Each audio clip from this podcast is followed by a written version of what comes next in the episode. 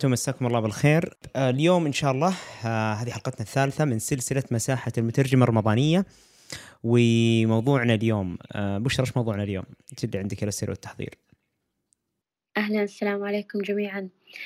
آه نبدأ على طول. آه كلنا مؤمنين بأن البدايات صعبة والثقة بين الطرفين تلازم هذه البدايات. سؤال اليوم سؤال يوصلنا كثير في اسأل المترجم آه خاصة من حديثي التخرج والمبتدئين في مجال الترجمة المستقلة. كيف المترجم يقدر يبني ثقة بينه وبين العميل؟ يعني الثقة بين المترجم والعميل هو جسر لابد أنه يبنى حتى آه، نتمكن من العبور. سؤال حلو. مين حاب أنه يشارك تجربته؟ نبدأ. أنا دائما أحب أني يعني أخذ المشاركة أولا وبعدين أعطي رأيي. مساء الخير وشكرا لكم. حقيقة أسئلة ذكية وفيها عمق وترابط يعني من أول ليلة. آه، الموضوع آه، موضوع اليوم حقيقة شيق بالنسبة لي خاصة. وعن تصور الثقة بين المترجم والعميل هذا أمر يعود في الأساس إلى قضية يعني ما يسمى بالانطباع الأولي. أو لو نتكلم مثلا بمصطلح عربي أفصح تلاقي وتجانس وتعارف الأرواح. هذا الانطباع الأولي أو التعارف واللي هو أساس آه، الثقة أمر جوهري وأساسي. و يعني المترجم عليه أن يعطيه أغلب اهتمامه في أول عمل له مع أي عميل. وهذا يردنا لكلامنا في الليلة الماضية أو السابقة الليلة الأولى أنه على المترجم وخاصة في العمل الحر يعني عليه لا يرد أي فرصة أولى تأتيه لأنها مكان تأسيس الانطباع الأولي. فإذا نجح في تلك الفرصة فراح يترك أثر يعني يصعب أن يمحى. أما إذا لم ينجح يعني الله يخلف عليه بخير. فهذا الكلام اللي أقوله أساسي بالنسبة للمترجم المبتدئ واللي ما عنده سمعة واسم في السوق. لكن الأمر أسهل بكثير بالنسبة للمترجم صاحب السمعة واللي عنده عنده جهود آه، ونوافذ يظهر فيها ويعرف فيها بنفسه. وهذا يردنا لحديثنا في أول ليلة عن أن من يرغب في العمل في مجال الترجمة وخاصة العمل الحر يحتاج أنه يظهر نفسه. لأنه إذا أظهر نفسه استطاع أن يوفر نافذة يوصل بها الانطباع الأولي بطريقة أسرع وأقوى. وبكذا يختصر على نفسه طريق طويل. لأنه في الغالب العميل شافه وكون تصور مبدئي عنه. ومع هذا ومع أهمية مسألة الانطباع الأول اللي أشرت إليها لكنني يعني لو فرضت إني أنا نفسي مثلا عميل وأبحث الآن عن مترجم فما في شك إن الانطباع الاولي راح يكون حساس في قضية الثقة ولكن يعني لكل قاعدة استثناء. يعني نعم الانطباع الاولي مهم لكن لا تستعجل في الفصل والحكم والجزم. وفي أيضا كمان مسألة أعتقد إنها من أهم وأخطر المسائل اللي في اعتقادي تؤثر في مسألة الثقة بين المترجم والعميل وقد تقتلها. هي الدقة في المواعيد والالتزام بها.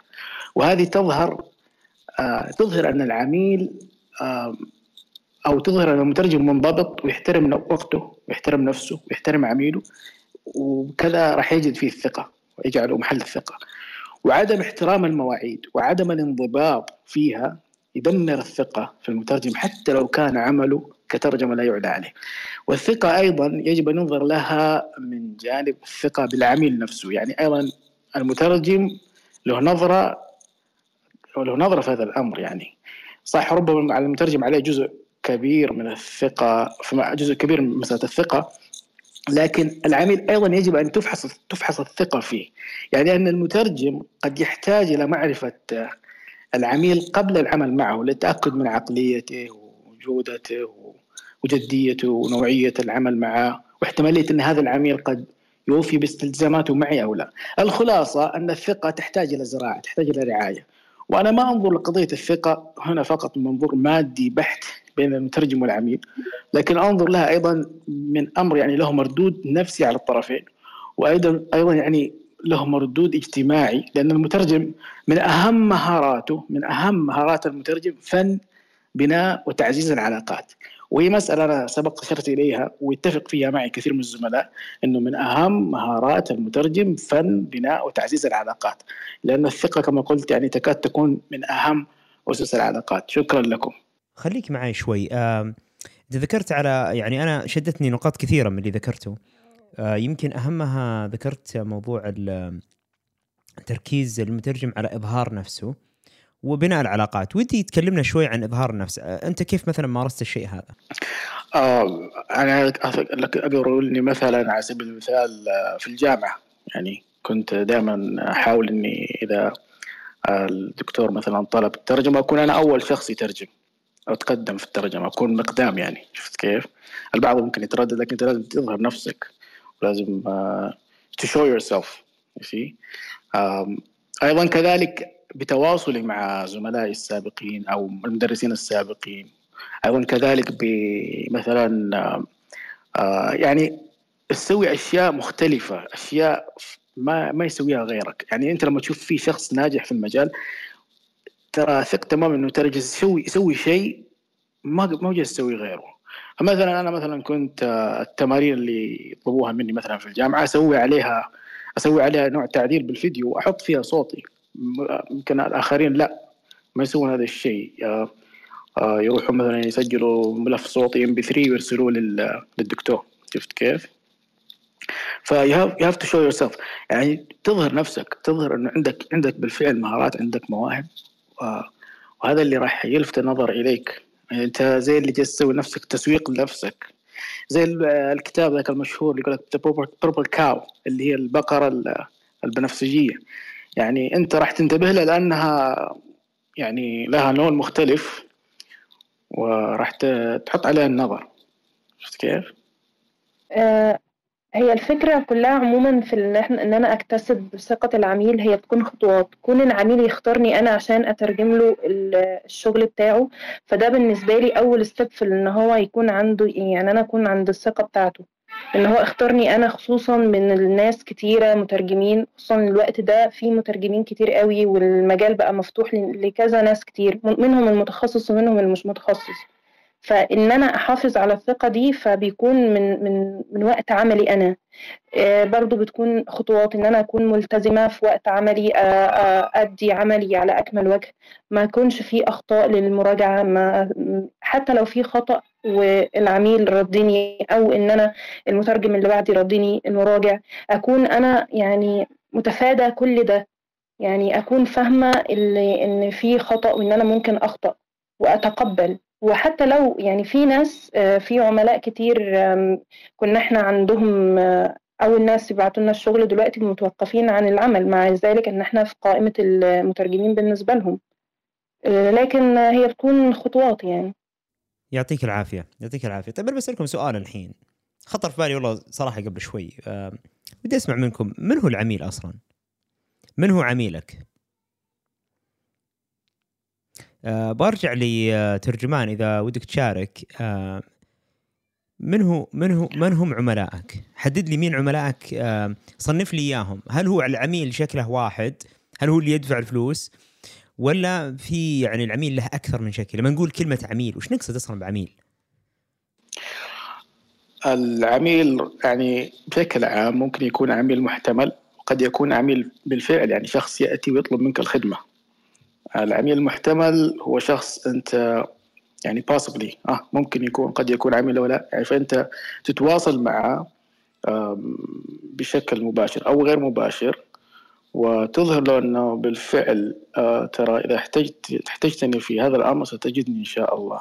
والعميل أيضا المباشر هو الشخص اللي يعني يطلب منك أي شخص أو أي جهة تطلب منك الخدمة. وممكن يكونوا ترى أصدقائك ممكن يكونوا زملائك ممكن يكونوا زملائك المترجمين آه، زملائك في الجامعة هم عملاء كذلك. حلو هذه النقطة اللي كنت بجيبكم عندها. هل ممكن نقول إنه أصلا آه، أستاذك في الجامعة هو عميل محتمل آه، زميلك في القاعة الدراسية هو عميل محتمل هل ممكن نقدر نقول إنه الأسرة والعائلة وكل شخص يعرف إنك مترجم هذا عميل محتمل؟ ترى هذه يعني سؤال مهم جدا انه انت قاعد تسوق نفسك لمن؟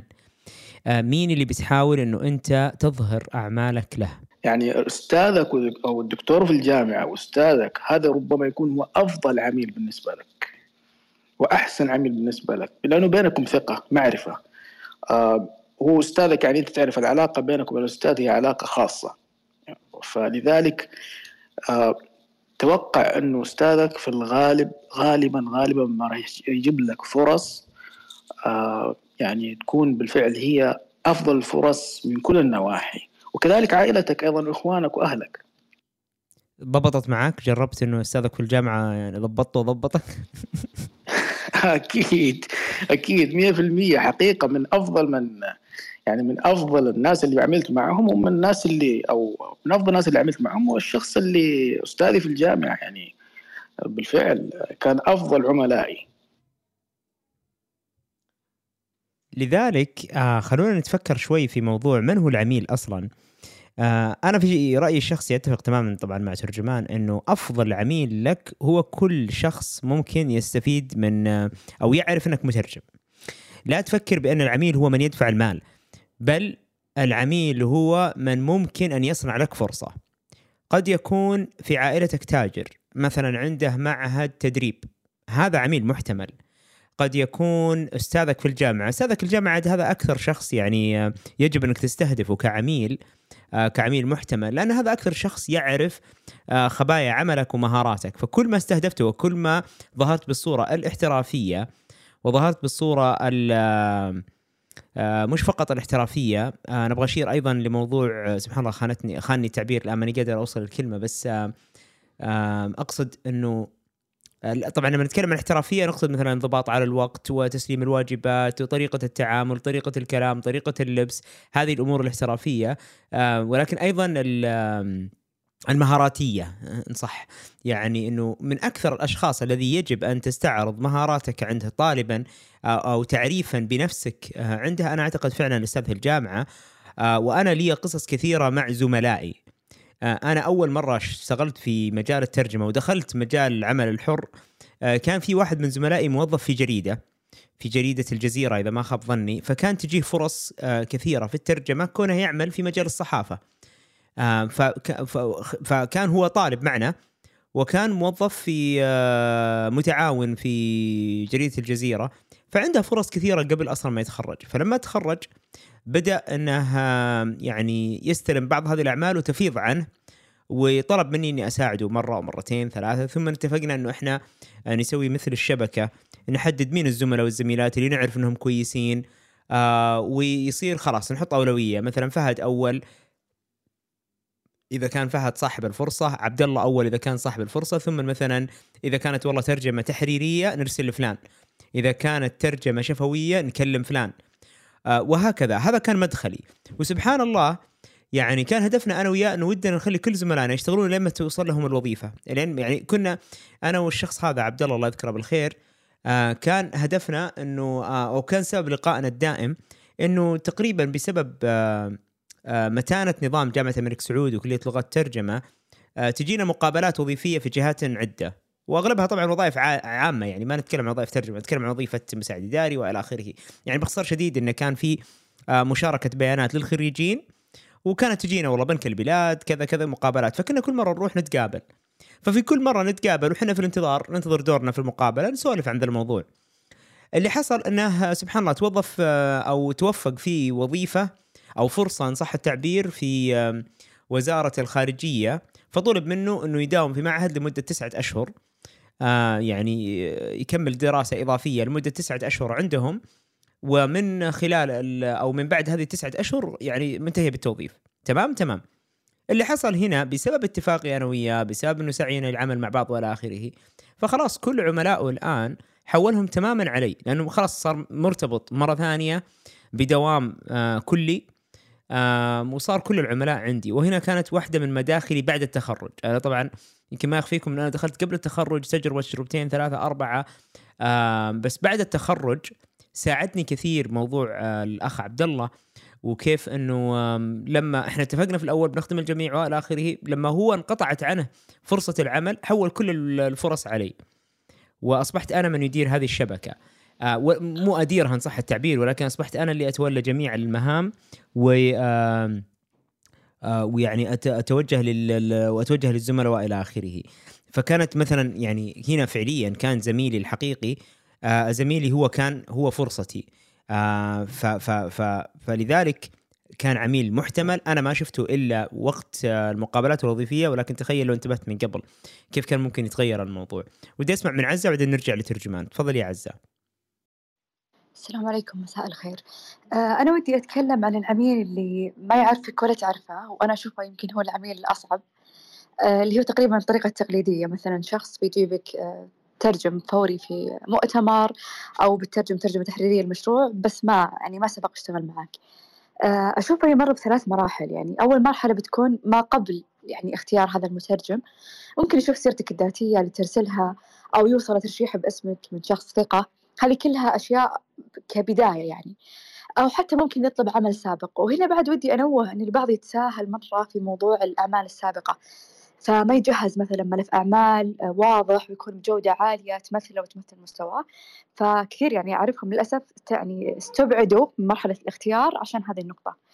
آه، بعدها يوصلون مرحلة الاختيار. ممكن العميل هنا يقابلك مقابلة شخصية والمقابلة الشخصية صراحة يعني جدا لها تأثير كبير على اتخاذ القرار وحتى بناء الثقة. وأنا شخصيا صارت معي مرة كثير يعني مجرد مثلا ما يقابلونك يبدون خلاص يعني مثل ما قال الزميل محمد إنه يبنون الانطباع الأولي. مثلا يشوف التزامك بالوقت الشخصية آه، طريقة التواصل آه، بعضهم ممكن حتى يجري اختبار مفاجئ يفاجئك اختبار بسيط مثلا سواء الشفوي أو التحريري أو حتى ترجمة الفيديو. آه، أخيرا نوصل لمرحلة الإثبات يعني هي بتكون المرحلة الحاسمة.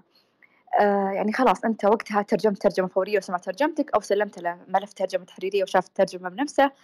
آه، فهنا خلاص هي المرحلة الحاسمة والمرحلة اللي تكون أنت يا أثبتت نفسك أو العكس.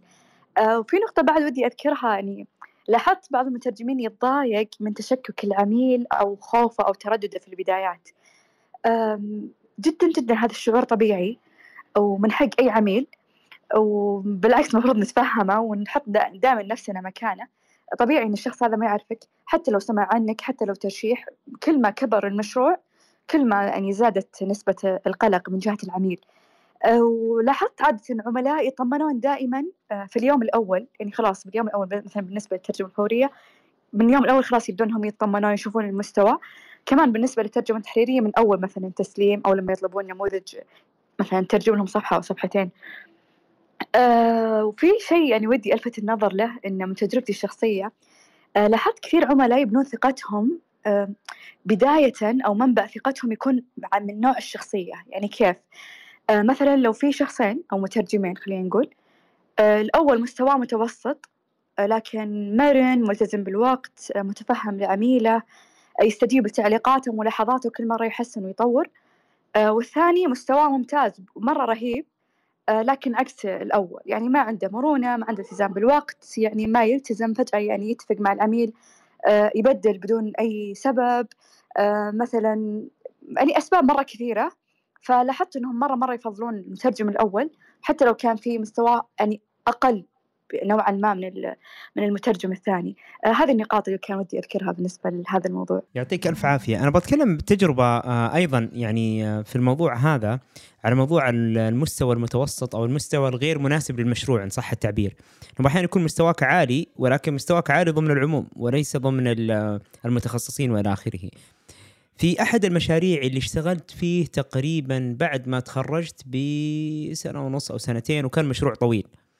وكان آه، مشروع عالي العوائد. يعني كان من المشاريع اللي يعني باختصار هم طالبين آه، مستوى عالي جدا يعني ودافعين لمكتب الترجمة مبلغ بحيث إنهم يحتاجوا شخص ما يحتاج تدريب.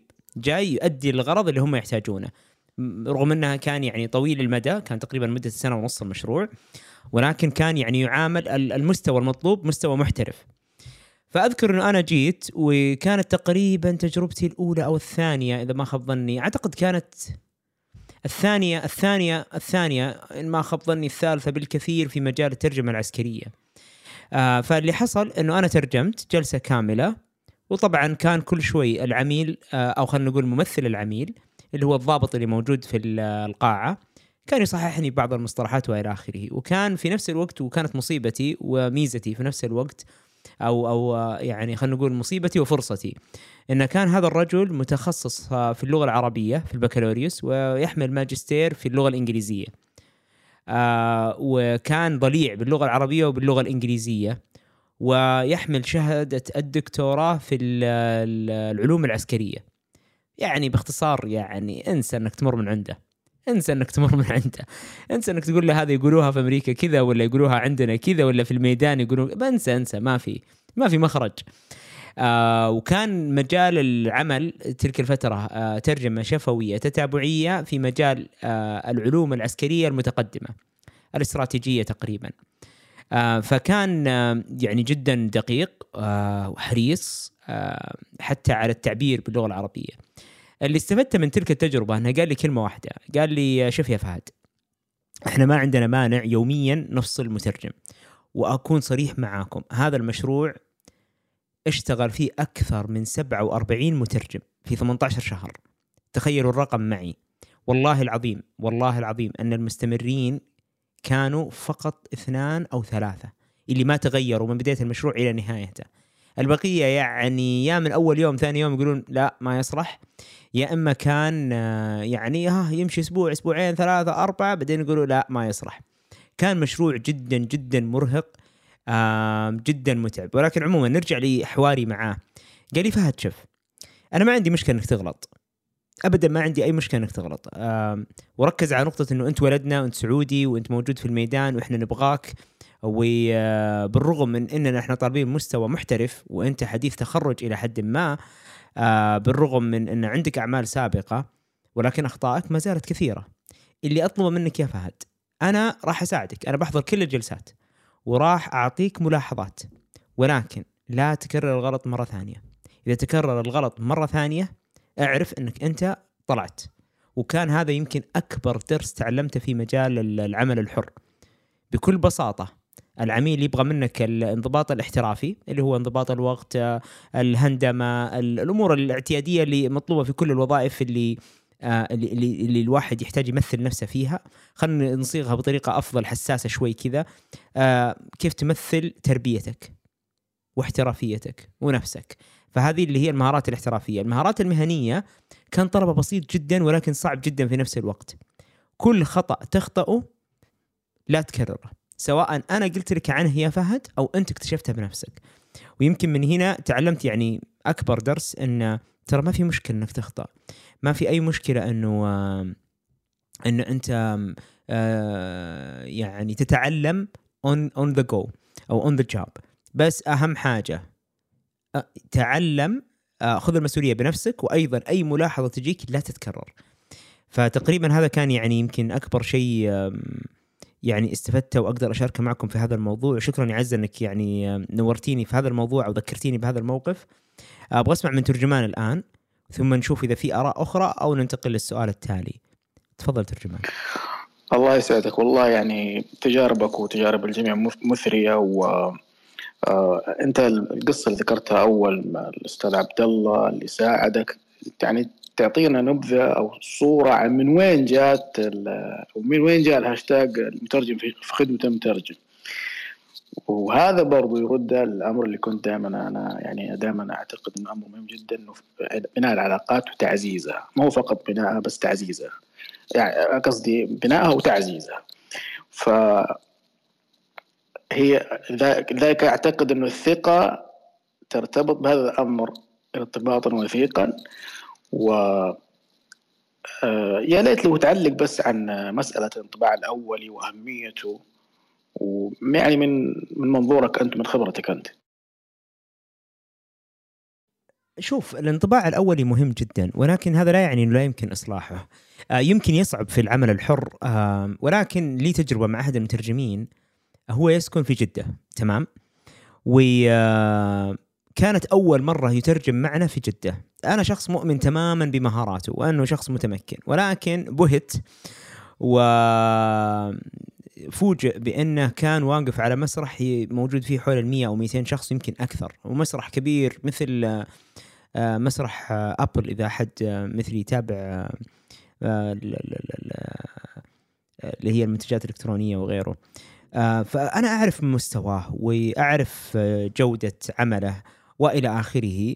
وقبلته في المشروع وفي آه، إن صح التعبير أنا كلمته حتى يعني يشارك في هذا المشروع. ولكن آه، فوجئ بهذا وكانت أول مرة له فكان العوامل المؤثرة الأخرى أثرت على مستواه مما أدى إلى أن عميله في جدة أو ممثل العميل في جدة يقول ما أبغى أشوف هذا المترجم مرة ثانية أعتقد أنه غير مناسب لعملنا. ولكن آه نفس العميل له مشاريع أخرى في جازان في الشرقية في الرياض في ضبا في تبوك وإلى آخره. فكنت كل مرة أرسل نفس المترجم. يجيني تقييمه ثمانية من عشرة تسعة من عشرة عشرة من عشرة بعض الأحيان. نفس المترجم. الفرق أن ممثل العميل في جازان يختلف. ممثل العميل في آه الأماكن المختلفة هذه الأخرى مختلف تمام؟ فاللي حصل أن تخيلوا معي هذا المترجم أستطيع أني اوظفه في هذا المشروع تحديدا في جميع الفرص ما عدا في جدة وهي المدينة اللي يسكن فيها. فالسبب هنا كان الانطباع الأولي رغم أن إحنا نقول لهم بالعكس يعني هذا الشخص الآن نفذ لكم جميع المشاريع في جميع مدن المملكة ومرتفع نسبة الثقة فيه والجودة وتقييمه كان دائما عالي، يوم جاكم في جدة كان هذه أول مرة. فودنا صراحة تعطوه فرصة ثانية. قالوا لنا لا ممثل العميل هنا مدير مركز يعني ولا ودنا نغامر أو حتى يعني نفاتحه في الموضوع آه ف ف فلا خله عادي أبد الله يحييه في جميع الم جميع المشاريع الأخرى والفرص ولكن ليست التي في جدة. آه فهذا مثال عن آه كيف تأثير الانطباع الأولي، تخيلوا نفس المشروع ولكن كل ما اختلفت مدينة كل ما كان الانطباع مختلف عن نفس المترجم. آه أيضا لي تجربة أخرى مع مترجم هنا ما كان عمل حر يعني خلينا نقول إنه يختلف. وهنا يمكن الفرق بين العمل الحر وبين الوظيفة. بدأ يشتغل في شركة إن صح التعبير بدأت تشتغل في شركة. وللأمانة مديرها ما كان منطقي ما كان خارج عن مجال أصلا الترجمة وإلى آخره فكان طلباتها غريبة وتقييمه لها يعني مبني على خلونا نقول كم سلمت كم كذا كذا. يعني الأمور كوانتيتيف يسموها يعني بيانية وليست يعني على الجودة نفسها. فكون عنها صورة سلبية وتقريبا عانت معاه ثمانية إلى عشرة أشهر قبل أن سبحان الله ينهى عقدها أصلا كمدير من الجهة نفسها. يحال إلى مستشار ثم بعدها يعني يبحث عن وظيفة أخرى وإلى آخره. المصيبة اللي حصلت إنه الآن المدير تغير. إحنا انبسطنا قلنا خلاص تغير المدير بمعنى صفحة جديدة وانطوت أو صفحة قديمة انطوت والآن نفتح صفحة جديدة مع مدير جديد. ولكن لا تنسون في شيء يسمى تسليم الأعمال. فالمترجمة طبعا المدير الجديد أخذ عنها صورة سابقة من المدير السابق بأن إنها مثلا مترجمة بطيئة إنها يعني أعطى بعض الملاحظات آه، الشخصية. يعني ما هي ما كانت اوبجكتيف أو ما كانت آه، موضوعية. كان تقييمه شخصي إنه عن هذه المترجمة. فاحتاجت تقريبا سنة ونص حتى تثبت نفسها مع المدير الجديد. وحتى يتغير تقييمها من مثلا اثنين من خمسة إلى يصل إلى أربعة ويكون يعني يعترف بدورها وتعطى مهام. يعني كانت حتى مع المدير الجديد يحاول يهمشها ليس لأنه يعني آه، يعني يطفشها وإلى آخره ولكنه فعلا كان غير مؤمن بمهاراتها ولكن بعد 18 شهر استطاعت إنها تغير آه، الرأي وبدأ أنه يؤمن بأنه أوكي إحنا ما فهمناها من قبل وممكن كانت الصورة السابقة آه، ما هي منطقية أو أنها تطورت. في كل الأحوال وهذه من الأمور اللي لازم نركز عليها في العمل الحر sometimes أو بعض الأحيان أنت عندك فرصة واحدة تثبت نفسك أنت مكنت أن تثبت نفسك في هذه الفرصة كسبت العميل. في حال لم تثبت نفسك في فرصة كبيرة جدا لأن العميل سوف يبحث عن شخص آخر والشخص الآخر هذا قد يثبت نفسه وأنت يعني آه تفقد يعني الامتياز إن صح التعبير في آه العمل مع هذا العميل.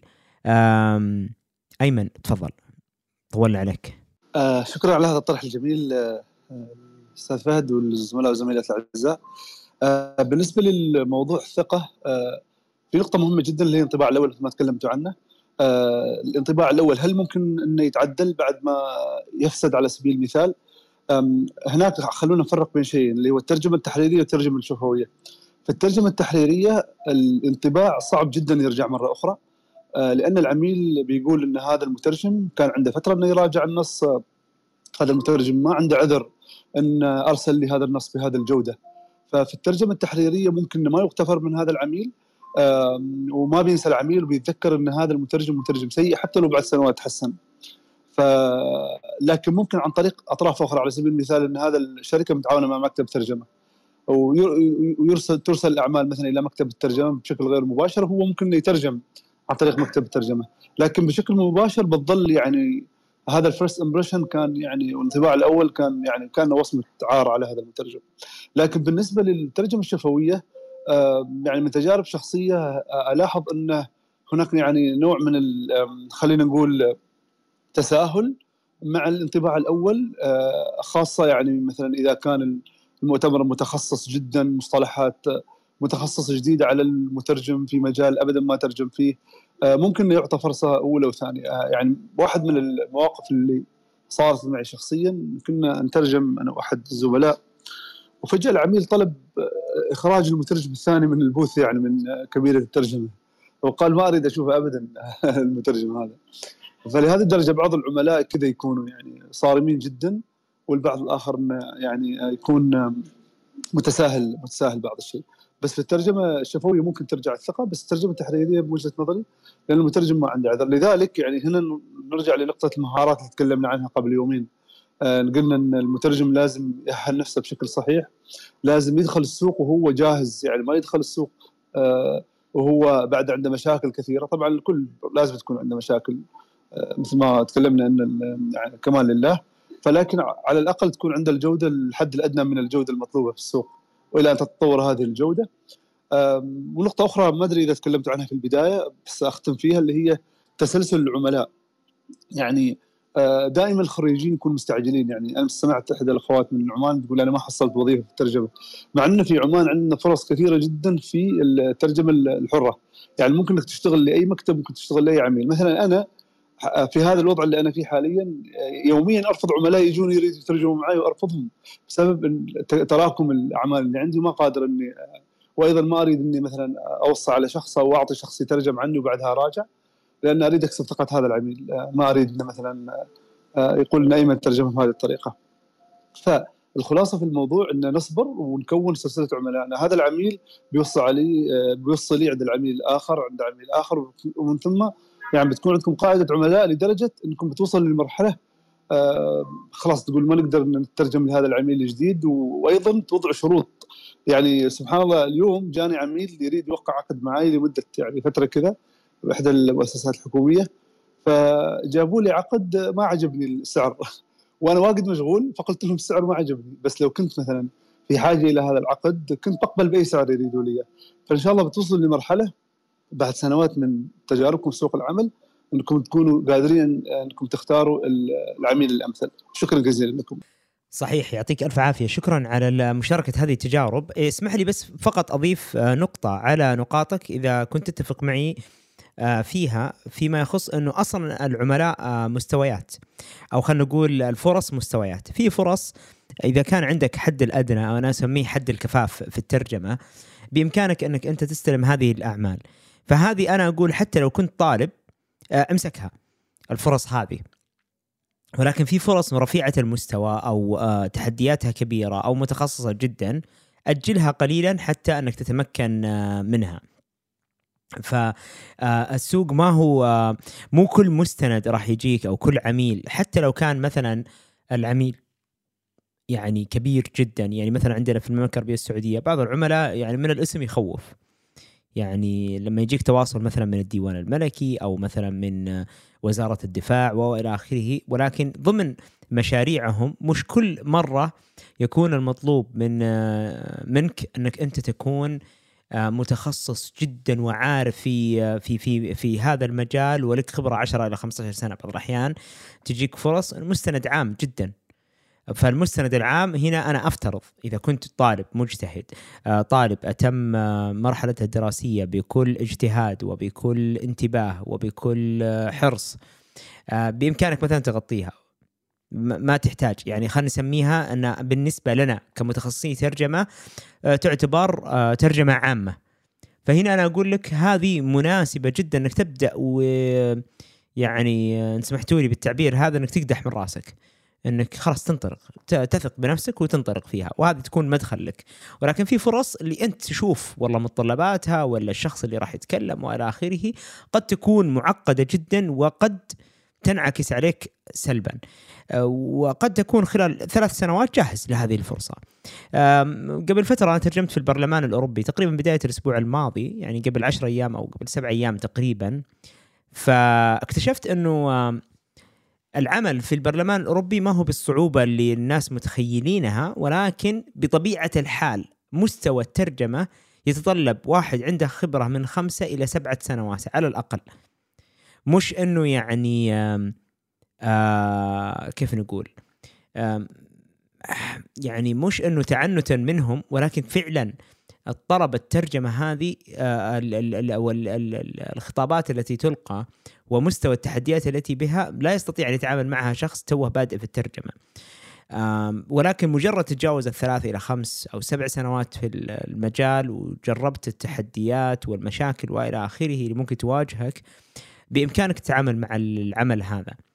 آم، وبكل بكل يعني بساطة وتجد إنه يعني والله بالعكس هذا ضمن يعني مهاراتي على قولتهم لعبتي. ف فقط أحب اني انوه على مستوى أنك أعرف أيضا مستوى العمل لأنه يؤثر كثيرا على ال يعني ال- ال- الانطباع وإلى آخره. فما أدري إيش رأيك دكتور أيمن؟ آه، آه، لا بالضبط بالضبط يعني هذه نقطة جدا مهمة. يعني أنا هنا ما أقول للطلب الطلبة أو الخريج الجدد ما يأخذوا أعمال لا يأخذوها لكن يضعوا هذا في الاعتبار. النقطة اللي ذكرتها أهمية العميل نفسه. آه، يعني مثلا تجينا أوراق من مكاتب ترجمة وأشياء عادية جدا نعم ممكن نتغامر فيها. لكن مثل ما قلت إذا كان مستوى العمل آه، فوق مستوياتنا إحنا نقيس نفسنا هل إحنا قادرين نمسك هذا العمل أم لا؟ وأحيانا إذا كان في مثلا ضمن مشروع كبير وبيكون في مراجع يراجع لترجمتي في يكون في مشرف على ترجمتي نعم بيكون هذا الشيء رائع جدا. أيضا من ضمن يعني الأشياء اللي كثير تردنا في سوق العمل الخاصه في عمان هي الترجمة إلى اللغة الإنجليزية ترجمة كتب مثلا. يعني أنا لاحظ مثلا إن المترجمين ال- اللي لهم خبرة في سوق العمل مثلا يتجنبوا إنهم يترجموا مثلا كتب إلى اللغة الإنجليزية. لكن طالب جديد أو خريج جديد يعرض عليه يترجم كتاب إلى اللغة الإنجليزية ومباشره يوافق وهو كتاب يعني. ممكن يكون هذا أحد مواضيع المناقشة يعني. الترجمة إلى اللغة الأخرى وليست اللغة الأم. يعني ممكن تكون احدى مواضيع النقاش إن شاء الله الفترة القادمة. ممتاز. في الحقيقة أنا ودي أجاوب على هذا ال ال ال الاستفسار ولكن ودي أسمع من الآخرين إذا كان بالإمكان نجاوب على هذا السؤال. واسمحي لي بشرى قبل أن ننتقل لسؤالك الثاني.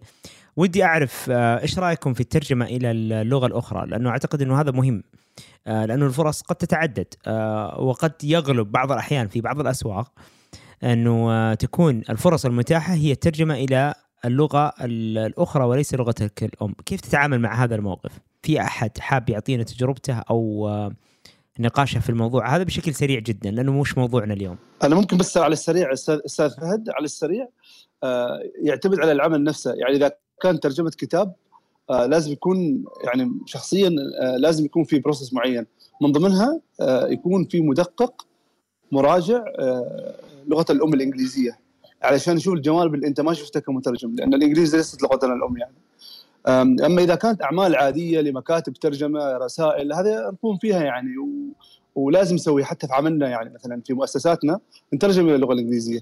بس أنا أقصد العمل الثقافي اللي هو الترجمة إلى اللغة الإنجليزية واللي تكلم عنها مثل الدكتور ناصر آه، من دار عرب وهو ترجمة الكتب إلى اللغة الإنجليزية. أعتقد إن هنا لازم يكون في مراجع يعني آه، إما نيتف سبيكر أو سيمي نيتف سبيكر يكون يراجع الترجمة. هذا رأيي. بالضبط. ويتفق كثيرا مع رأيي. بمعنى أنه بعض الأحيان الشخص يرى أن الفرصة أنه يجب أن آه، إنه أنا أتفق مع العميل أنفذ العمل وأسلمه. وانتهى الموضوع. بل بالعكس أنا أرى أنه الأفضل في مثل هذه الفرص ما في عيب إنك تقبلها ولكن حط في نموذج التسعير أو في نموذج ال- ال- العمل سير العمل إنك أنت تخصص مبلغ أنت تستثمره ذاتيا بأنك تضع شخص نيتف سبيكر أو متحدث أصلي باللغة بحيث إنه يراجع عملك وتتعلم من تجربته بحيث إنك وهذه سهلة تقنيا إنك تقارن المستند إيش اللي تغير بين الذي أنت ترجمته إلى آخره آه، بما آه، سلم لك المراجع. وأيضا حتى في منصات في اللغة يعني موجودة آه، يعني عالمية لمراجعة النصوص في اللغة خصوصا في اللغة الإنجليزية. وأعتقد اللغات مثل الفرنسية والإسبانية ممكن يكون متكرر هذا الشيء اللي هو أنك أنت بعد ما تترجم بإمكانك تسلم هذا المستند ويراجع شخص متحدث أصلي باللغة ويعدل على هذا المستند ثم بحركة خفيفة ظريفة آه، في وورد بإمكانك تعرف كل التعديلات التي آه، قام بها. آه، فهنا أنت تكسب العميل بأنك تسلمه عمل يعني مراجع آه، في نفس الوقت آه، تضطر أنك تأخذ مخاطرة والتي هي الاستثمار آه، في أنك تدفع مبلغ من جيبك قبل حتى تسليم العمل لأنه خلاص أصبح مستحق بما أنه شخص راجعه وأنت قبلت الخدمة وإلى آخره. فلذلك العمل الحر هو منهجية بعض الأحيان بإمكانك أن تسلم العمل بنفسك بعض الأحيان تست... آه، يعني يجب عليك أن تأخذ بعين الاعتبار أنه حتى تضمن جودة العمل يجب عليك أن توظف آخرين. آه والآخرين هذه آه أولئك قد يكونوا يعني أشخاص موظفين أيضا بنظام العمل الحر. وحين فهمك لهذه النقطة وأخذها بعين الاعتبار من الأولى أنك تأخذها أيضا في موضوع التسعير. آه نسمع من ترجمان ثم ننتقل لبشرى إذا كان عندها رأي في الموضوع أو تنتقل للسؤال التالي. تفضل يا ترجمان. اي بالنسبة لل من العربية إلى اللغات الأخرى وخاصة الإنجليزية آه، مثل ما ذكرتم أنتم التحريرية أكيد يعني أمر أمرها ما هو مثل الترجمة الشفوية لأنها تحتاج إلى مراجعة و... ولا بد حتى المترجم هو نفسه يكون يعني متمكن من تلك اللغة ويستطيع يكتب فيها بشكل يستطيع أن ينقل المعاني إليها بشكل آه، يعني واضح وجيد وبعد ذلك يعني تراجع تلك أو هذه الترجمة. آه، أما بالنسبة للترجمة الشفوية أنا مؤخرا أخيرا كانت عندي تجربة في الترجمة الشفوية إلى الإنجليزية من العربية إلى الإنجليزية. والحمد لله يعني كانت آه، يعني الحمد لله يعني حازت على الثناء. طبعا هذه تعتمد على السوق والموجود في السوق. أنا كنت أتكلم مع شخص مترجم قبل فترة وقال لي ترى أنت آه لازم تركز على قضية الترجمة إلى الإنجليزية لأنها يعني مطلوبة خاصة خارج السعودية بشكل بشكل أكثر. فربما إذا آه ترجم الشخص شفويا من العربية إلى لغة أخرى وخاصة الإنجليزية يعني ما يكون عليه ذاك اللوم ولا يشدد عليه مرة ولا يلام إذا أخطأ. لأنه بشكل عام يعني الأخطاء في الترجمة الشفوية ما يعني متوقعة بشكل كبير ولا ولا يركز عليها بشكل شديد جدا. يعطيك العافية. وهنا نرى اتفاق مع بينك وبين الدكتور أيمن في موضوع أنه في الترجمة الشفوية قد يختلف الحال بأنه حينما تترجم إلى اللغة الأخرى قد يلتمس لك العذر ولكن في الترجمة التحريرية صعب جدا آه ويعني دائما يعزى الأمر بأنه ترى عندك كان وقت آه كان بإمكانك توظف موارد أخرى أو كان بإمكانك حتى أن ترفض العمل. آه بشرى إذا كان رأي لك رأي في المواضيع اللي طرحت سواء السؤال أو ما تفرعنا به أو تنقلينا للسؤال الثاني. آه أول شيء شكرا لمشاركة تجاربكم ودروسكم القيمة والمثرية آه صراحة أنا عندي بس تعليق كذا بسيط وإجابة على سؤال أستاذ فهد آه، من هو العميل. أحيانا يكونون العملاء آه، هم المتابعين عندكم في تويتر. يعني أنا في كثير منهم آه، ما يعرفون إني أنا باقي للحين طالبة. عبالهم إني أنا قاعدة أترجم من زمان مرة. فتجيني مشاريع تجيني عروض تجيني توصيات. فأحيانا أضطر إني أنا يعني ما أقدر آخذها خاصة إذا كانت مرة كبيرة علي. لكن هذه إجابة على سؤال أستاذ فهد. آه طيب ننتقل للسؤال الثاني. سؤالنا الثاني هو امتداد لجزء من تعليق الأستاذ أيمن. وهو في الترجمة التحريرية. يمكن تدارك الأخطاء قبل تسليم المشروع النهائي. فبالتالي الثقة بين المترجم والعميل مستقرة أكثر من الترجمة الشفوية. كيف أحافظ على ثقة العميل حتى بعد الوقوع في بعض الأخطاء أثناء أداء الترجمة الفورية آه، الفورية والشفوية والتتابعية اللي هي يعني. كذا عندي عندي آه، يقين بأن عزة بتكون أكثر شخص يقدر يجاوب على هذا السؤال لأنها تحدثت في الموضوع بشكل يعني طارف أمس. آه صحيح جاب بالي على طول أشارك في سؤال بشرى. حتى جاب بالي سؤال يعني هل الثقة ممكن تستعاد إذا فقدت أو اهتزت؟ أشوف إن في أمور آه ممكن تتجاوز وممكن تتصلح مع الوقت. يعني مثلا زي ما ذكرت أستاذ فهد إنه مثلا المترجم أخطأ بعبارة وصححوا له لطالما هو يعني يشوف المرئيات يشوف الملاحظات ويطبقها أول بأول. آه لكن على الصعيد الثاني في أمور أبدا لا تغتفر آه خاصة أمور السرية آه للعميل. آه، بعض المترجمين يمكن ما يعطي هذاك الاهتمام.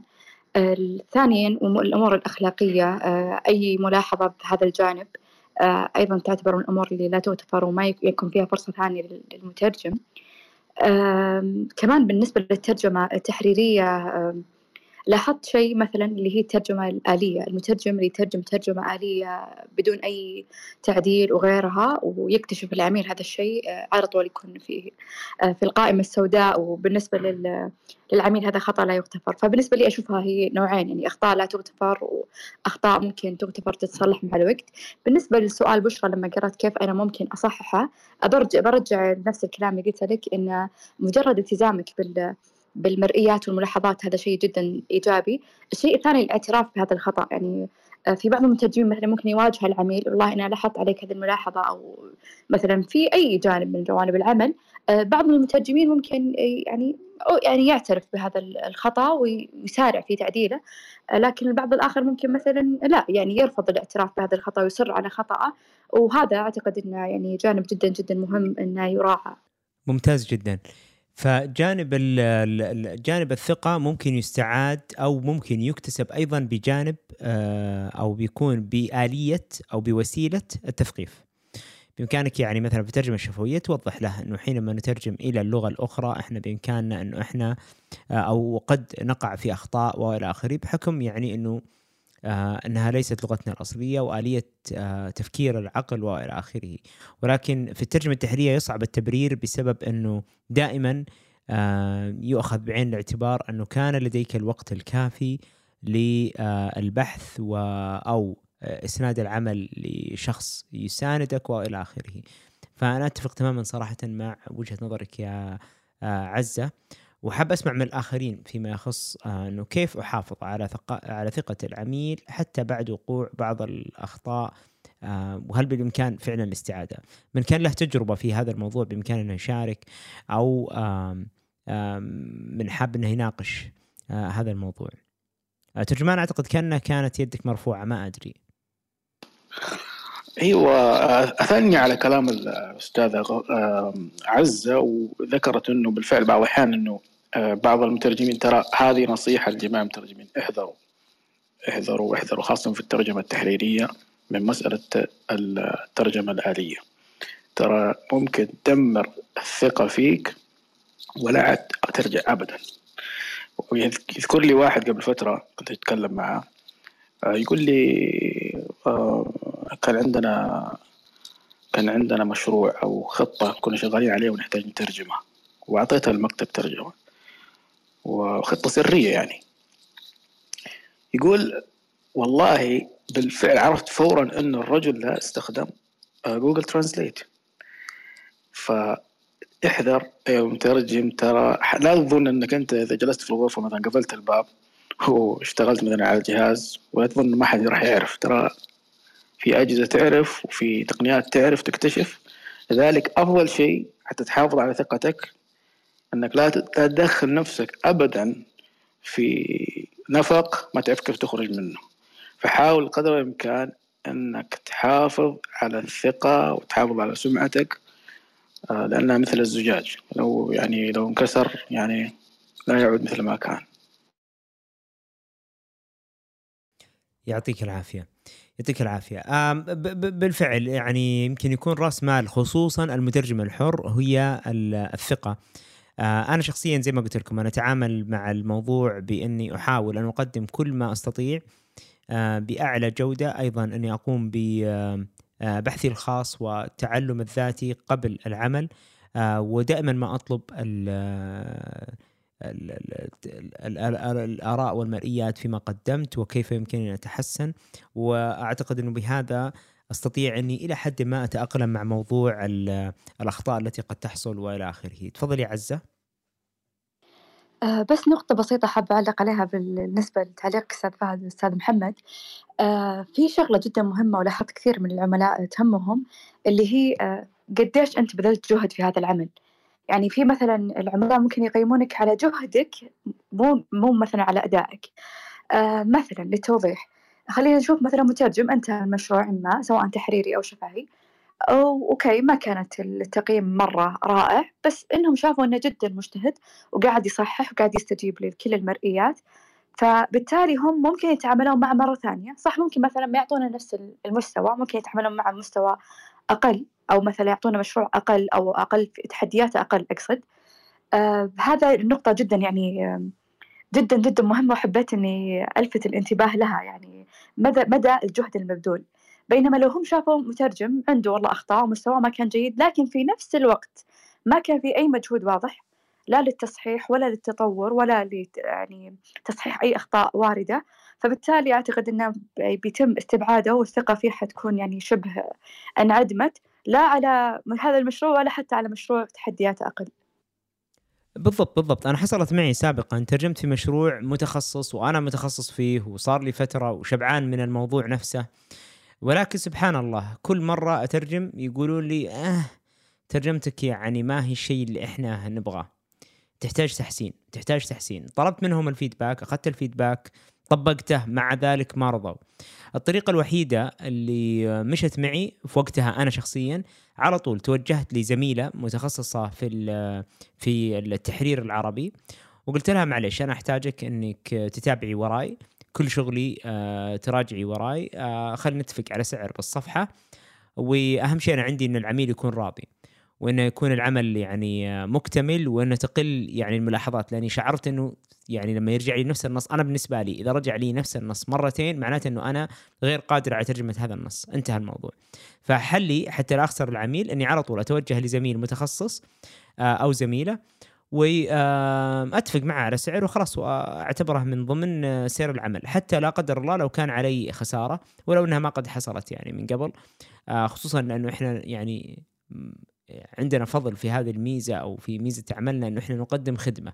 بامكانك إنك أنت يعني إنك ما تعتبرها خسارة كون إنه أنت فعليا راح تتعامل تتعامل عفوا تتعلم من المدخلات اللي راح تجيك من الزميل أو الزميلة اللي راح تراجع بعدك فهذه نقطة مهمة جدا أنا أعتقد آه طيب آه قبل ما نسمع من بشرى إذا كان عندها رأي أو آه، كان عندها آه، تنقلنا للسؤال الأخير لمحور اليوم آه بعد إذنكم نبغى نسمع بس إعلان بسيط لأكاديمية المترجمة الافتراضية اللي هي ترعى هذا الفعالية وكل فعاليات صراحة مجموعة خدمة المترجم.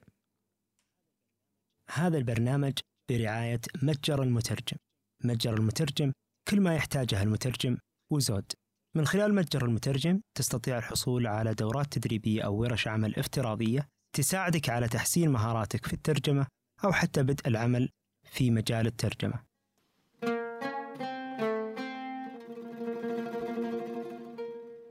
تفضلي يا بشرى انقلينا للمحور الأخير. آه أنا صراحة ودي إنه يكون في كمان جواب مركز على الترجمة الشفوية لو قلنا إنه مثلا خلاص تداركنا الأخطاء في الترجمة التحريرية وإنها ما هي ترجمة آلية خلاص كله تمام. طيب أنا الحين قاعدة أترجم شفوي ارتكبت بعض الأخطاء طبعا ما يمديني أراجعها يعني ما يمديني أتعامل معاها زي الترجمة التحريرية. خلاص أخطيت وانتهيت. إيش بيصير بعد كذا؟ بالعكس أنا هنا أنا أشوف إنه آه، هنا وعلى الأقل من تجربتي الشخصية هنا بالعكس الترجمة الشفوية فيها ميزة إنه آه، لما تقول إنه ارتكبت الخطأ وانتهى هذه ميزة لك. زي ما قلت لك من تجربتي السابقة آه إنه في الأصل أنت لا ترتكب الخطأ مرة أخرى. دامك تستطيع إنك أنت تتحكم في عدم ارتكاب الخطأ مرة أخرى على الأقل نفس الخطأ آه هنا أنت يعني آه ترجع تكسب آه العميل. آه ولا ننسى الجانب اللي يمكن ذكرته عزة على يعني آه في في معرض حديثها لما قالت إنه الاكتساب الثقة جزء منه أصلا تثقيف للعميل. أنت لما تثقفه انه والله شوف إحنا لما نترجم من العربية إلى الإنجليزية ترى نواجه تحديات وصعوبات مختلفة تماما عن إنه إحنا كيف نترجم إلى اللغة العربية. في اللغة العربية بإمكانك أن تكون قاسي علي وأنك أنت ت ت ت يعني تدق تدقق علي كثير في الأخطاء وإلى آخره. هذا مقبول ولكن ترى إحنا في الترجمة الشفويه نمارس ما يقارب الست إلى سبع مهارات في وقت واحد فلذلك يجب عليك أن تصبر علي. وأنا من طرفي الآن خلاص شكرا أنت أعطيتني الآن خطأ آه، وقعت فيه أوعدك ما يتكرر مرة ثانية.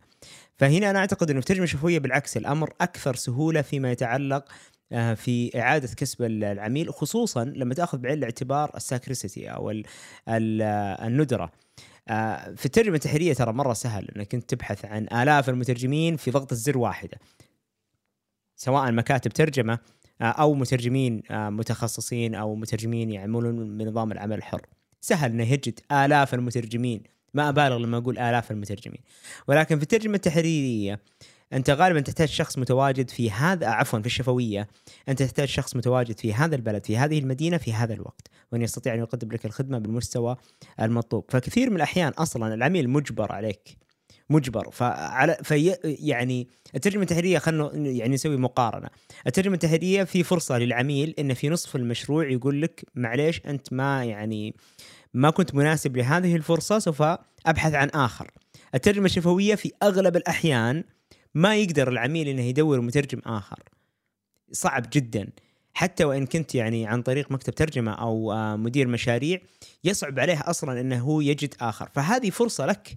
فرصة إذا كنت فعلا حريص على عملك آه، حريص على سمعتك بأنك آه، بينما هو يبحث عن مترجم آخر ولا يجد أنت تصحح وتسند يعني تساند أو تعزز من سمعتك. وأنك يعني هي كبوة وليست آه، فعلا فشل. آه، فخلال هذه الفترة. تفضلي يا عزة. وبعدها ترجمان. تفضلي يا عزة.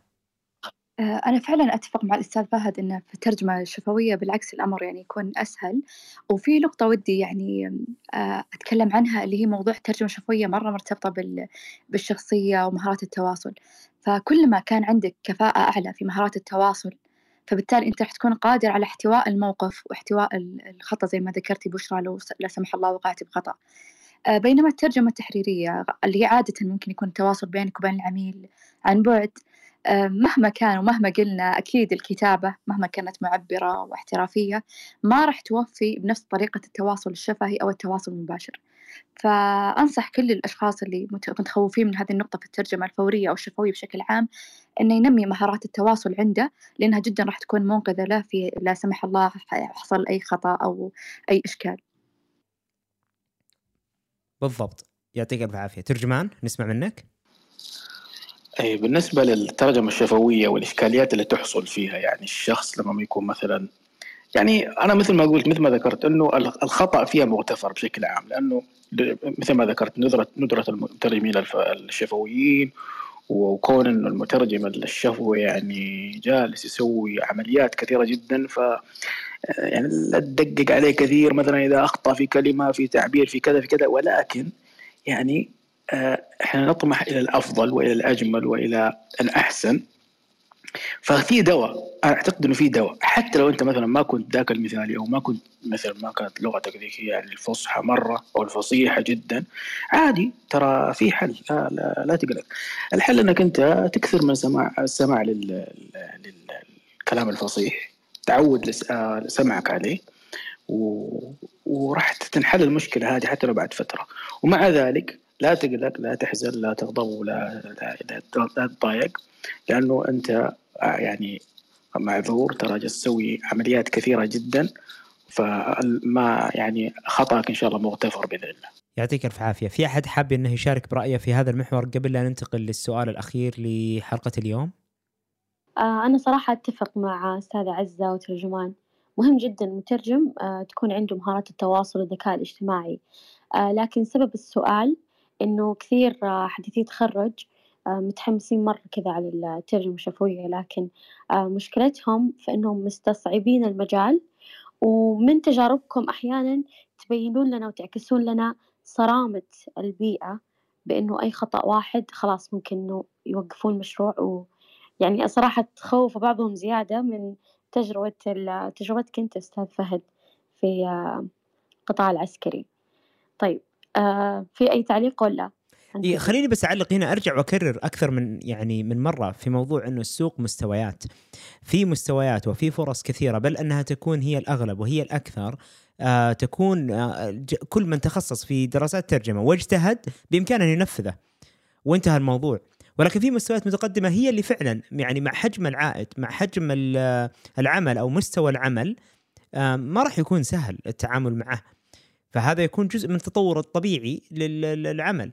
هل نقدر إحنا نقارن مثلا يعني حتى في المهن الأخرى آه، الشخص اللي مثلا آه، مهندس معماري خبرته تو حديث تخرج مع شخص مثلا صمم 15 20 25 مبنى مثلا آه لا. اللي صمم 15 إلى 20 إلى 25 مبنى هذا قادر مثلا إنه يمسك مثلا مشروع مبنى حكومي مثلا. ولكن الشخص اللي حديث تخرج قد فعلا يصعب عليه مشروع مثل هذا. قد ممكن انه يستطيع انه يتجاوز هذا المشروع ويكسبه ولكن قد يكون فعلا صعب عليه بالمنطق إنه يستلم هذا المشروع. ولكن إذا شخص تخرج من الجامعة المفروض إنه يكون قادر على تصميم منزل اللي هو لجميع المواطنين أو جميع الناس اللي تحتاجه. المنزل المفروض إنه هذا حد الكفاف لجميع المهندسين. نفس الكلام عندنا إحنا المترجمين. في مستندات مثل شهادة ميلاد مثل الأوراق العامة مثل المحادثات أمور مثل ذلك. هذه المفروض إن كل المترجمين قادرين عليها. ولكن في بعض الفرص اللي لا صدق تحتاج يا إما موهبة فذة أو خبرة سنتين ثلاثة خمسة عشرة وتخصص دقيق في هذا المجال. نسمع من أيمن إذا كان لك رأي في هذا الموضوع. تفضل.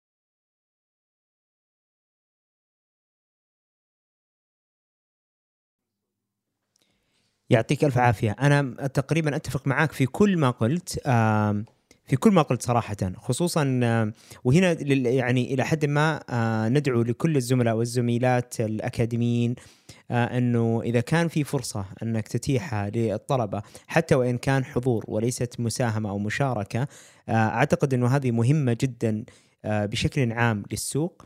وأيضا لك أنت آه، كأستاذ أو كمتقدم في السوق بان بإمكانك إنك تكسب جنود يعملون معك ويساندونك وأنت أيضا تسعى في آه، رزقهم آه، أو في مهاراتهم. آه، ففعلا يعني هذه من الأمور اللي أنا أعتمدها آه، متى ما أتيحت لي الفرصة متى ما كان بالإمكان أن يحضر أحد الطلبة أو آه، الزملاء والزميلات اللي حاب إنه يدخل المجال يعني دائما إذا كان في فرصة أبد تعال بس يكون الأمور على وضوح بأن هي تجربه راح تجلس في البوث راح تستمع للمترجم والمترجم المترجمة والمترجم آه وقد تترجم أو لا. وبعض الأحيان نسوي لهم حركة اللي يخليه يترجم بس قفل عليه المايك. آه، خصوصا في بعض المشاريع الكبرى يكون فيه مثلا ثلاثة أربع بوثات. فنخلي الطلبة آه، يسجلوا أنفسهم ويترجم يستمع هو مثله مثل الآخر آه، يستمع ولكن لما يترجم ما تبث. ويسجل نفسه. وبعدين طبعا نطلب منه واجب مسكين يكتب تقرير على ترجمته وش الأخطاء اللي وقع فيها وكيف ممكن يصلحها ويعني تكون وسيلة للتطوير. رهف تفضلي. آه، أهلا وسهلا أولا. آه، شكرا بشرى على هذا السؤال لأنه هذا السؤال جدا سؤال مهم. آه، ليش المترجمين آه، مت- الخريجين حديثين التخرج هم متخوفين من هذه الفرصة؟ آه، أعتقد أنه هذه الفرصة آه، هي فرصة صعبة. أعتقد أنه هذه الفرصة تعتبر للمترجمين أو حديثين التخرج راح تكون صعبة لأن المستمع اللي دافع فلوس وحابب يسمع الترجمة يبغاها تكون بمستوى عالي جدا بمستوى خليني أقول آه، مستوى ما في خالي من الأخطاء لأنه هو بالنهاية يبغى آه، مختص في مجال معين يبغى يسمع ترجمة تكون خالية من الأخطاء. إنه أنت تخطأ أو أنت تجرب. نفسك هذا مكان مو هو للتجربة. أنت داخل السوق على إنه خلاص أنت مترجم. في بعض المترجمين مثلا يقولون أنا ما أشتغل إلا بمواد. أنا ما أشتغل إلا لما أنتم تقدمون لي شيء أو تحطوني برزنتيشن أو شيء. آه، في ظروف الترجمة مختلفة. يعني في مرات أنت مضطر إنك تشتغل من دون زميل. ومرات آه، مضطر إنك أنت تترجم من دون مواد. ومرات أنت مضطر إنك تترجم وتتقبل آه، النقد اللاذع اللي راح يكون من المستمعين ومدحهم وثنائهم. فلازم يكون عندك مرونة شوي بهذا المجال. يعني لازم تعرف أنت وينك. آه، تتقبل الظروف الموجودة فيه. إن اليوم ما راح يكون معي زميل آه، اليوم راح أنا أشيل اليوم كله. آه، راح أشيل الضغط كله. آه، راح أتقبل صعوبة المجال راح أتقبل إنه راح أدخل في مجال أنا ما أعرفه ولازم أكون قد الفرصة هذه. بنفس الوقت يعني أحس إنه المستمع يعني ما أعرف إذا تأيدوني بهذا الشيء أو لا فهد. أحس إنه المستمع هو اللي راح يقدر يقيمني مية بالمية إذا أنا كنت مترجمة متميزة بهذا اليوم ولا لا. لأنه هو أكثر. علم ودراية مني أنا المترجمة اللي جايبيني في هذا اليوم بس أو الأسبوع أو الأسبوعين. فأحس إنه صعب في البداية على المترجمين المبتدئين أو حديثين التخرج إنهم يخوضون هذه الفرصة لأنها آه لازم تكون عندهم شوي مرونة في آه تقبل آراء الآخرين تقبل النقد تقبل آه المستمعين تقبل الإخفاقات اللي راح تؤدي إلى النجاح بالنهاية. وبس. يعطيك ألف عافية. أنا أتفق معك في الجانب الأول آه، بشكل كامل موضوع المرونة وأنك يجب أنك لا تطبق المعايير المثالية. أنا ترجمت الأسبوع الماضي في البرلمان الأوروبي رغم أن لي يمكن 11 سنة أنا أترجم الآن في في السوق آه، ولكن وترجمت يعني أنا على مستوى على أعلى المستويات وفي دول مختلفة ولكن كلها كانت في الخليج آه، قبل البرلمان الأوروبي. ولكن اكتشفت في البرلمان الأوروبي صدق إنه كل نص ساعة يبدلون وكمان آه، فريق الترجمة مكون من ثلاثة وليس واحد وليس اثنين بل ثلاثة. وكل نص ساعة لازم تبدل وأيضا الثلاثة هذول كلهم انجيجد يعني هذول كلهم موجودين معك على الأقل دائما يكون معك. فهذه أعلى المعايير. وهذه أنا أشوفها يعني بعض الأحيان للأسف إنها تدرس وكأنها واقع يجب أن يتوفر في حال ما توفر ارفض العمل. بس لا مو كل الأسواق ناضجة أو بنفس النضج وليس كل الفعاليات بنفس المستوى المتطلب آه، أو بنفس الحساسية. آه، فيجب أنك تكون مرن مثل ما قالت رهف آه، ولكن قد أختلف معك قليلا بانه ال- المستمع النهائي هو أفضل شخص يستطيع أن يقيمني. لا. في وظيفة أو فانكشن دائما تكون مفقودة في أغلب مشاريع الترجمة على الأقل في سوقنا اللي هو ما في دور حقيقي لمدير مشاريع الترجمة. أنا أعتقد إنه أفضل شخص يستطيع أن يقيمك هو مدير مشاريع الترجمة آه، بحيث إنه يكون يشغر في ذلك اليوم خانة مدير مشاريع يربط بين العميل وبين المترجم يلبي كل احتياجات المترجم ويتأكد من أن المترجم يؤدي عمله بأفضل شكل ممكن وأن الملبى أيضا كل ما يسهل له العمل فيروح يكون من ضمن مهامه غير إنه يضمن وجود المترجمين والأجهزة والفنيين وإلى آخره بل يضمن مثلا يحاول على الأقل أن يحصل على ال- المواد التي سوف تعرض.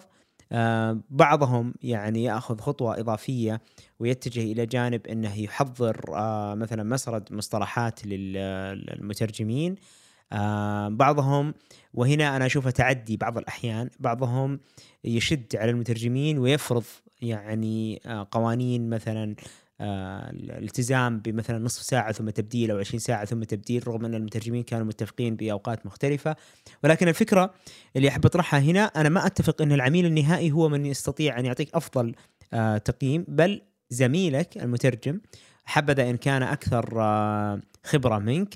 آه، أو إذا فعلت وظيفة المدير المشاريع آه، ال- ال- المقيم أو اللي موجود في ال- ال- ال- الفينيو اللي يستطيع إنه يسمع ترجمة والى آخره. أنا أعتقد إنه هذا أفضل شخص يقيمك. العميل قد يعطيك رأي ولكن نرجع لنقطة عزة اللي ذكرتها سابقا وهي أنه عشان تستفيد من آه، رأي العميل أنت تحتاج إنك أنت تثقفه قليلا وتقول له وش اللي ممكن أصلا يتوقعه منك.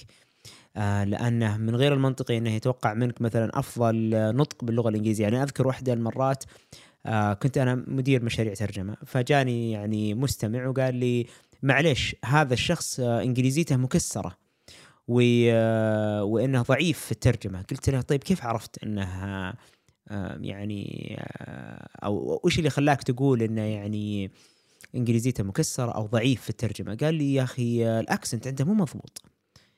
قلت له معلش ولكن ال accent ما له أي علاقة تماما في موضوع جودة الترجمة أو الدقة. إحنا دائما يعني الأهم هي الدقة ثم بعد ذلك دقة ال- الرسالة حتى اللي يسمونها ال message والمعنى. ثم بعد ذلك ننتقل للجماليات الأخرى وحتى في الترجمه الشفويه وتحديدا في الفورية إحدى الجماليات بالنسبة لنا أن النحو والصرف يعني والله رفع شو اسمه رفع المنصوب ولا نصب المرفوع بالنسبة لنا ما هي أساسية. ابدا. إذا كان في دقة في المعنى مبدئيا أخذ 80 من من 100 ثم من 80% إلى 100% هذه كلها نعتبرها جماليات تحديدا في الترجمة الفوريه فبعض فالبعض يجي يسمع الأكسنت يبغى خريج هارفارد ويبغى سبحان الله يبغى واحد مقطوع سره في لندن ولكن في النهاية بيعطيه 400 ريال في اليوم. فتيجي تقول له معلش دافع 400 الله يستر عليك. هذا اللي موجود عندنا وبعدين إحنا تقييمنا الفني ترى معلش الدقة عالية جدا. ومستواه محترف ومناسب جدا ولكن قدر الله عليه وولد في الرياض. شو نسوي عاد؟ هذا اللي هذا اللي موجود. فالأكسنت عنده يعني مضروب. بس يا أخي لما تسمع كلامه كلامه مضبوط. اللي انقال آه، نقله. فهنا فهنا نقطة التحفظ عندي إنه جميل إنك تستمع من من الجميع. ولكن يجب أن تسند أوزان مناسبة لكل شخص. والله شخص متخصص في دراسات الترجمة ومتقدم في العلم ومتقدم في الخبرة هذا ال- ال- الفيدباك اللي أخذه منه أحترمه كثيرا والأفضل أني أعمل به. ولكن العميل النهائي أستأنس برأيه. قد يكون فعلا رأيه في محله ويساندني في التخصص وإلى آخره ويوضح لي وين أنا أخفقت. ولكن مش كل مرة أو كل شخص راح يجي يقول لي ترجمتك تافهة ولا ترجمتك ضعيفة. أنا يعني احد التعليقات اللي وصلتني قال لي your English is إيش? second grade English كانت ترجمة تحريرية طبعا. آه، وأيام الماجستير حتى. طيب بعدها مسوي IELTS وماخذ ثمانية في ال writing وماخذ تسعة في ال reading كيف يعني second grade ما فهمت. آه يعني فمو كل شخص يعني يعطيك رأي تأخذه بشكل آه عالي الأهمية. آسف أطلت في هذه النقطة بس لأنه أحب إنه يعني إنه فعلا إنه جزء كبير من عملك هي الثقة في نفسك اولا ثم بعد ذلك الاستئناس بالآراء وتفضيل هذه الآراء. فهذه نقطة مهمة، أبغى أسمع منك يا رهف آه، كتعقيب لأن شافك شاف يدك مرفوعة، بعدين نرجع لترجمان ثم بشرى، تفضلي يا رهف. آه أنا أؤمن إنه دائما ثقة المترجم باسمه اللي تركه بمسيرته اللي, اللي اشتغل فيها طول السنوات وإنه رأيه وثقته بنفسه هي الأساس. لكن في أشياء ثانوية لازم يعني ناخذها بعين الاعتبار إنه ما ننساها بعد. ليش أقول إنه المستمع لل... اللي موجود بالورشة العمل أو بالمؤتمر هو رأية قد يكون حقيقي تسعين بالمئة لأنه في بعض الأحيان مثلا أنا مثلا راح أقول عن موقف صار لي. في ورشة عمل في إحدى المؤسسات كانوا يثنون على الترجمة والترجمة رائعة وكل شيء تمام. بس وأنا كنت أشوف نفسي إنه أنا مرتاحة في الشغل. لكن في مستمع كان يسمعني وقال مثلا يعني هي ترجمتها رائعة بس نسيت تقول كلمة. من كثر ما أنا كنت متحمسة وأنا جالسة يعني أرتب الكلام وأنمقه آه وبالفعل أنا من كثر ما هو جاء ونبهني بعد ما خلصت من ورشة العمل قلت له إلا والله صادق في يعني هم هم رأيهم مهم بس إنه ما أنا أخذه وما أسند عليه آه ترجمتي لا رأيهم مهم وأساسي. آه بنسبة تقريبا أقول 90 إلى 80% الشيء الثاني آه أدائك أنت وأنت وش سويت؟ زميلك أنا أؤمن إنه الزميل اللي موجود معي في غرفة الترجمة أو زميلتي الموجودة معي في غرفة الترجمة قد يكون رايها صح. آه بس مرات مثلا أنا مثلا مرات أشوف آه زملاء وزميلات آه مثلا أدائهم حلو ترجمتهم حلوة وكل شيء رائع وأعطيهم مثلا آه يعني أقيمهم أنا بيني وبين نفسي ومرات أرجع أنا أشتغل معهم أختارهم بالاسم وفي مرات زميلات وزملاء أحس إنه لا مثلا ترجمتهم مو مو ذاك الزود فأنا ما أقدر إنه أنا أقيم ولا أقدر إنه أنا أطلق آه رايي لهم أو رايي عليهم فهمت علي؟ فأحس إنه هي مزيج وأكيد إنه مدير الترجمة أو المدير مشروع الترجمة هو له دور بالأساس لأنه ما اختارنا إلا الالتقاء لكن في عوامل بسيطة آه تكون هي الأساس إني أنا بعد أصدق كلام الآخرين في في في هذه النقطة. آه وأنا أؤمن دائما آه بشيء أنا دائما أسويه لما أجي أترجم بأي مؤتمر وبأي ورشة عمل إنه قيمي نفسك رهف قيمي نفسك. أوكي المترجم وال وال والمقدم الخدمة مدح وأثنى.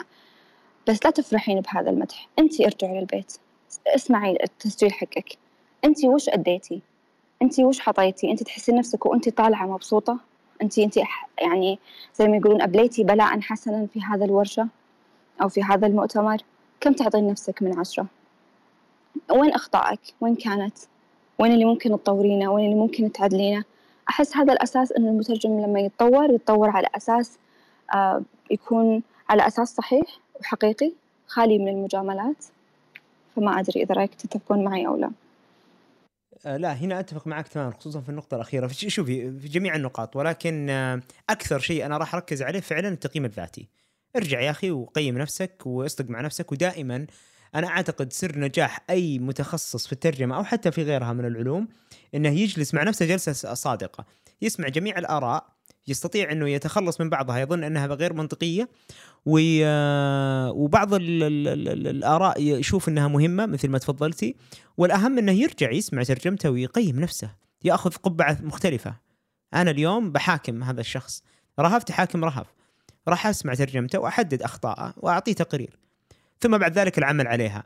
سلسلة ما يسمى بال lesson learned cycle أو ال 2 هذه هي الأهم في نجاح أي شخص في حياته.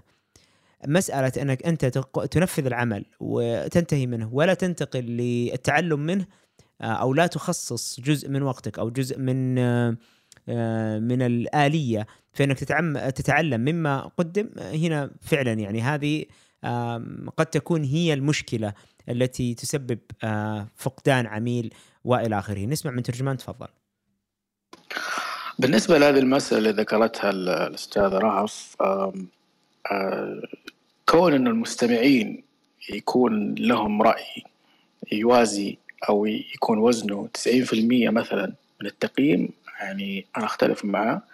لأنه أولا لازم تعرف أنت المستمعين هذول هل هم بالفعل أهل لأنهم يقيموا هذا المترجم تقييم عادل وشامل ودقيق؟ هل هم يعرفون صعوبات الترجمة هل يعرفون؟ هل يعرفون ال ال يعني إيش أقدر أقول لك؟ يعني النار اللي يجلس عليها المترجم وهو يترجم. يعني يكون جالس بالفعل. يعني بعضهم يقارن عمل المترجم الفوري مثلا الشفوي بعمل مراقب المراقب الجوي. يحتاج إلى يعني جهد ذهني شديد جدا. فهل هم هل هم بالفعل لهم أو عندهم القدرة والمكنه انهم يقيموك. هذا أمر خطير لأنه أنت إذا يعني أعطيت رأي أو أعطيت قيمة كبيرة لآرائهم ممكن يجيك واحد ويعطيك تقييم كذا من عنده. وربما ترى ما يكون تقييم حقيقي ربما بس فقط يعني مثلا هو عارف ومتأكد إنك أنت مبدع وأنت ما شاء الله أبدعت. بس يعني مثلا ما ما أعجب فيك لسبب ما وبيعطيك كذا يحاول إنه يعطيك زي ما يقولوا طعنة بيطعنك فيها حتى يقتل ثقتك بنفسك وحتى يدمر مثلا معنوياتك. آه، ويعني تكون يعني مثلا نقد حاسد أو حاقد. لذلك أعتقد آه، في نظري إنه التقييم يكون تقييم الشخص لذاته أول شيء. هذا أمر مهم جدا. أنت شوف زي مثل ما ذكر أستاذ فهد اجلس مع نفسك جلسه صادقه وشوف هل بالفعل أنت أديت وابليت بلاء حسنا. والأمر الآخر تقييم المختصين تقييم الناس المختصين مثل مثلا مدير المشاريع أو مثلا شخص يعرف الترجمة ويعرف خفاياها. هذا نعم تستطيع تأخذ منه. أما كوني أنا مثلا أعطي الآخرين من المستمعين آه، وزن كبير جدا هذا راح يكون خطير جدا بالنسبة لك إلا في حالة إذا كانوا بالفعل كلهم أجمعوا إنه ما فهموا منك شيء ابدا. هذا الوقت أقول لك ترى في مشكلة. يعطيك ألف عافية. آه طيب آه لضيق الوقت ولا نبغى نطول عليكم ونبغى يعني إنه يعني تكونوا دائما معانا من الأول للأخير كلنا متحمسين. إذا تسمحي لي بشرى أعطيني السؤال الأخير لحلقه اليوم ونبغى نأخذه بشكل سريع في الإجابات. آه، اعطينا السؤال الله يحفظك. أتفق معكم ومع أستاذ رهف في الثقة بالنفس طبعا. آه ثقة العميل بالمترجم هي انعكاس ثقة المترجم بنفسه. آه بالتالي ثقته بنفسه هي نصف الأداء المتميز. في النهاية المترجم يحضر نفسه وياخذ بالأسباب ويتوكل على الله ويعيش التجربة. السؤال الأخير آه ما الأصعب بناء الثقة أو المحافظة عليها؟ يعطيك العافية. أنا ودي أخذ هذا السؤال الأخير بشكل سريع. ودي جميع اللي شاركوا معنا أو أصحاب الخبرة أو من يريد أن يشارك أنه يجاوب على هذا السؤال. آه خلونا ناخذ أول شيء إجابة سريعة اللي مين أصعب فيهم و آه وإذا كان عنده رأي يحاول يخليه ملخص. آه بالنسبة لي أعتقد إن يعني كلاهما يعني شكلان صعوبة لأن بناء الثقة يكون آه، في مراحل يعني مبكرة من من عمر المترجم. يحتاج وقت كبير ويكون فترة زمنية طويلة لين يكون هذه الثقة. وأيضا استرجاعها في الجانب المقابل أيضا يحتاج وقت ممكن ما تسترجع. لذلك أعتقد إن إعادة بناء الثقة أصعب من بناء الثقة نفسها لأن إعادة بناء الثقة مع عميل اوريدي بينك وبينه آه، موقف سلبي فهنا هذا يشكل صعوبة. لكن بناء الثقة هذا العميل جديد أول مرة يشتغل معي فممكن بسبب السيره الذاتية بسبب مشاركاتي آه، ممكن إنه يتعامل معي. بس مثال بسيط جدا على بناء الثقة. أنا بنيت ثقة مع دار نشر في لبنان وترجمت إلى الآن عن طريقهم ثلاثة كتب. ونشرتها في دار النشر هذه دار الرافدين. بناء الثقة كان بسبب بوستات كنت أنشرها أو منشورات أنشرها في الفيسبوك. أترجم اقتباسات لعلماء واقتباسات في مجالات مختلفة.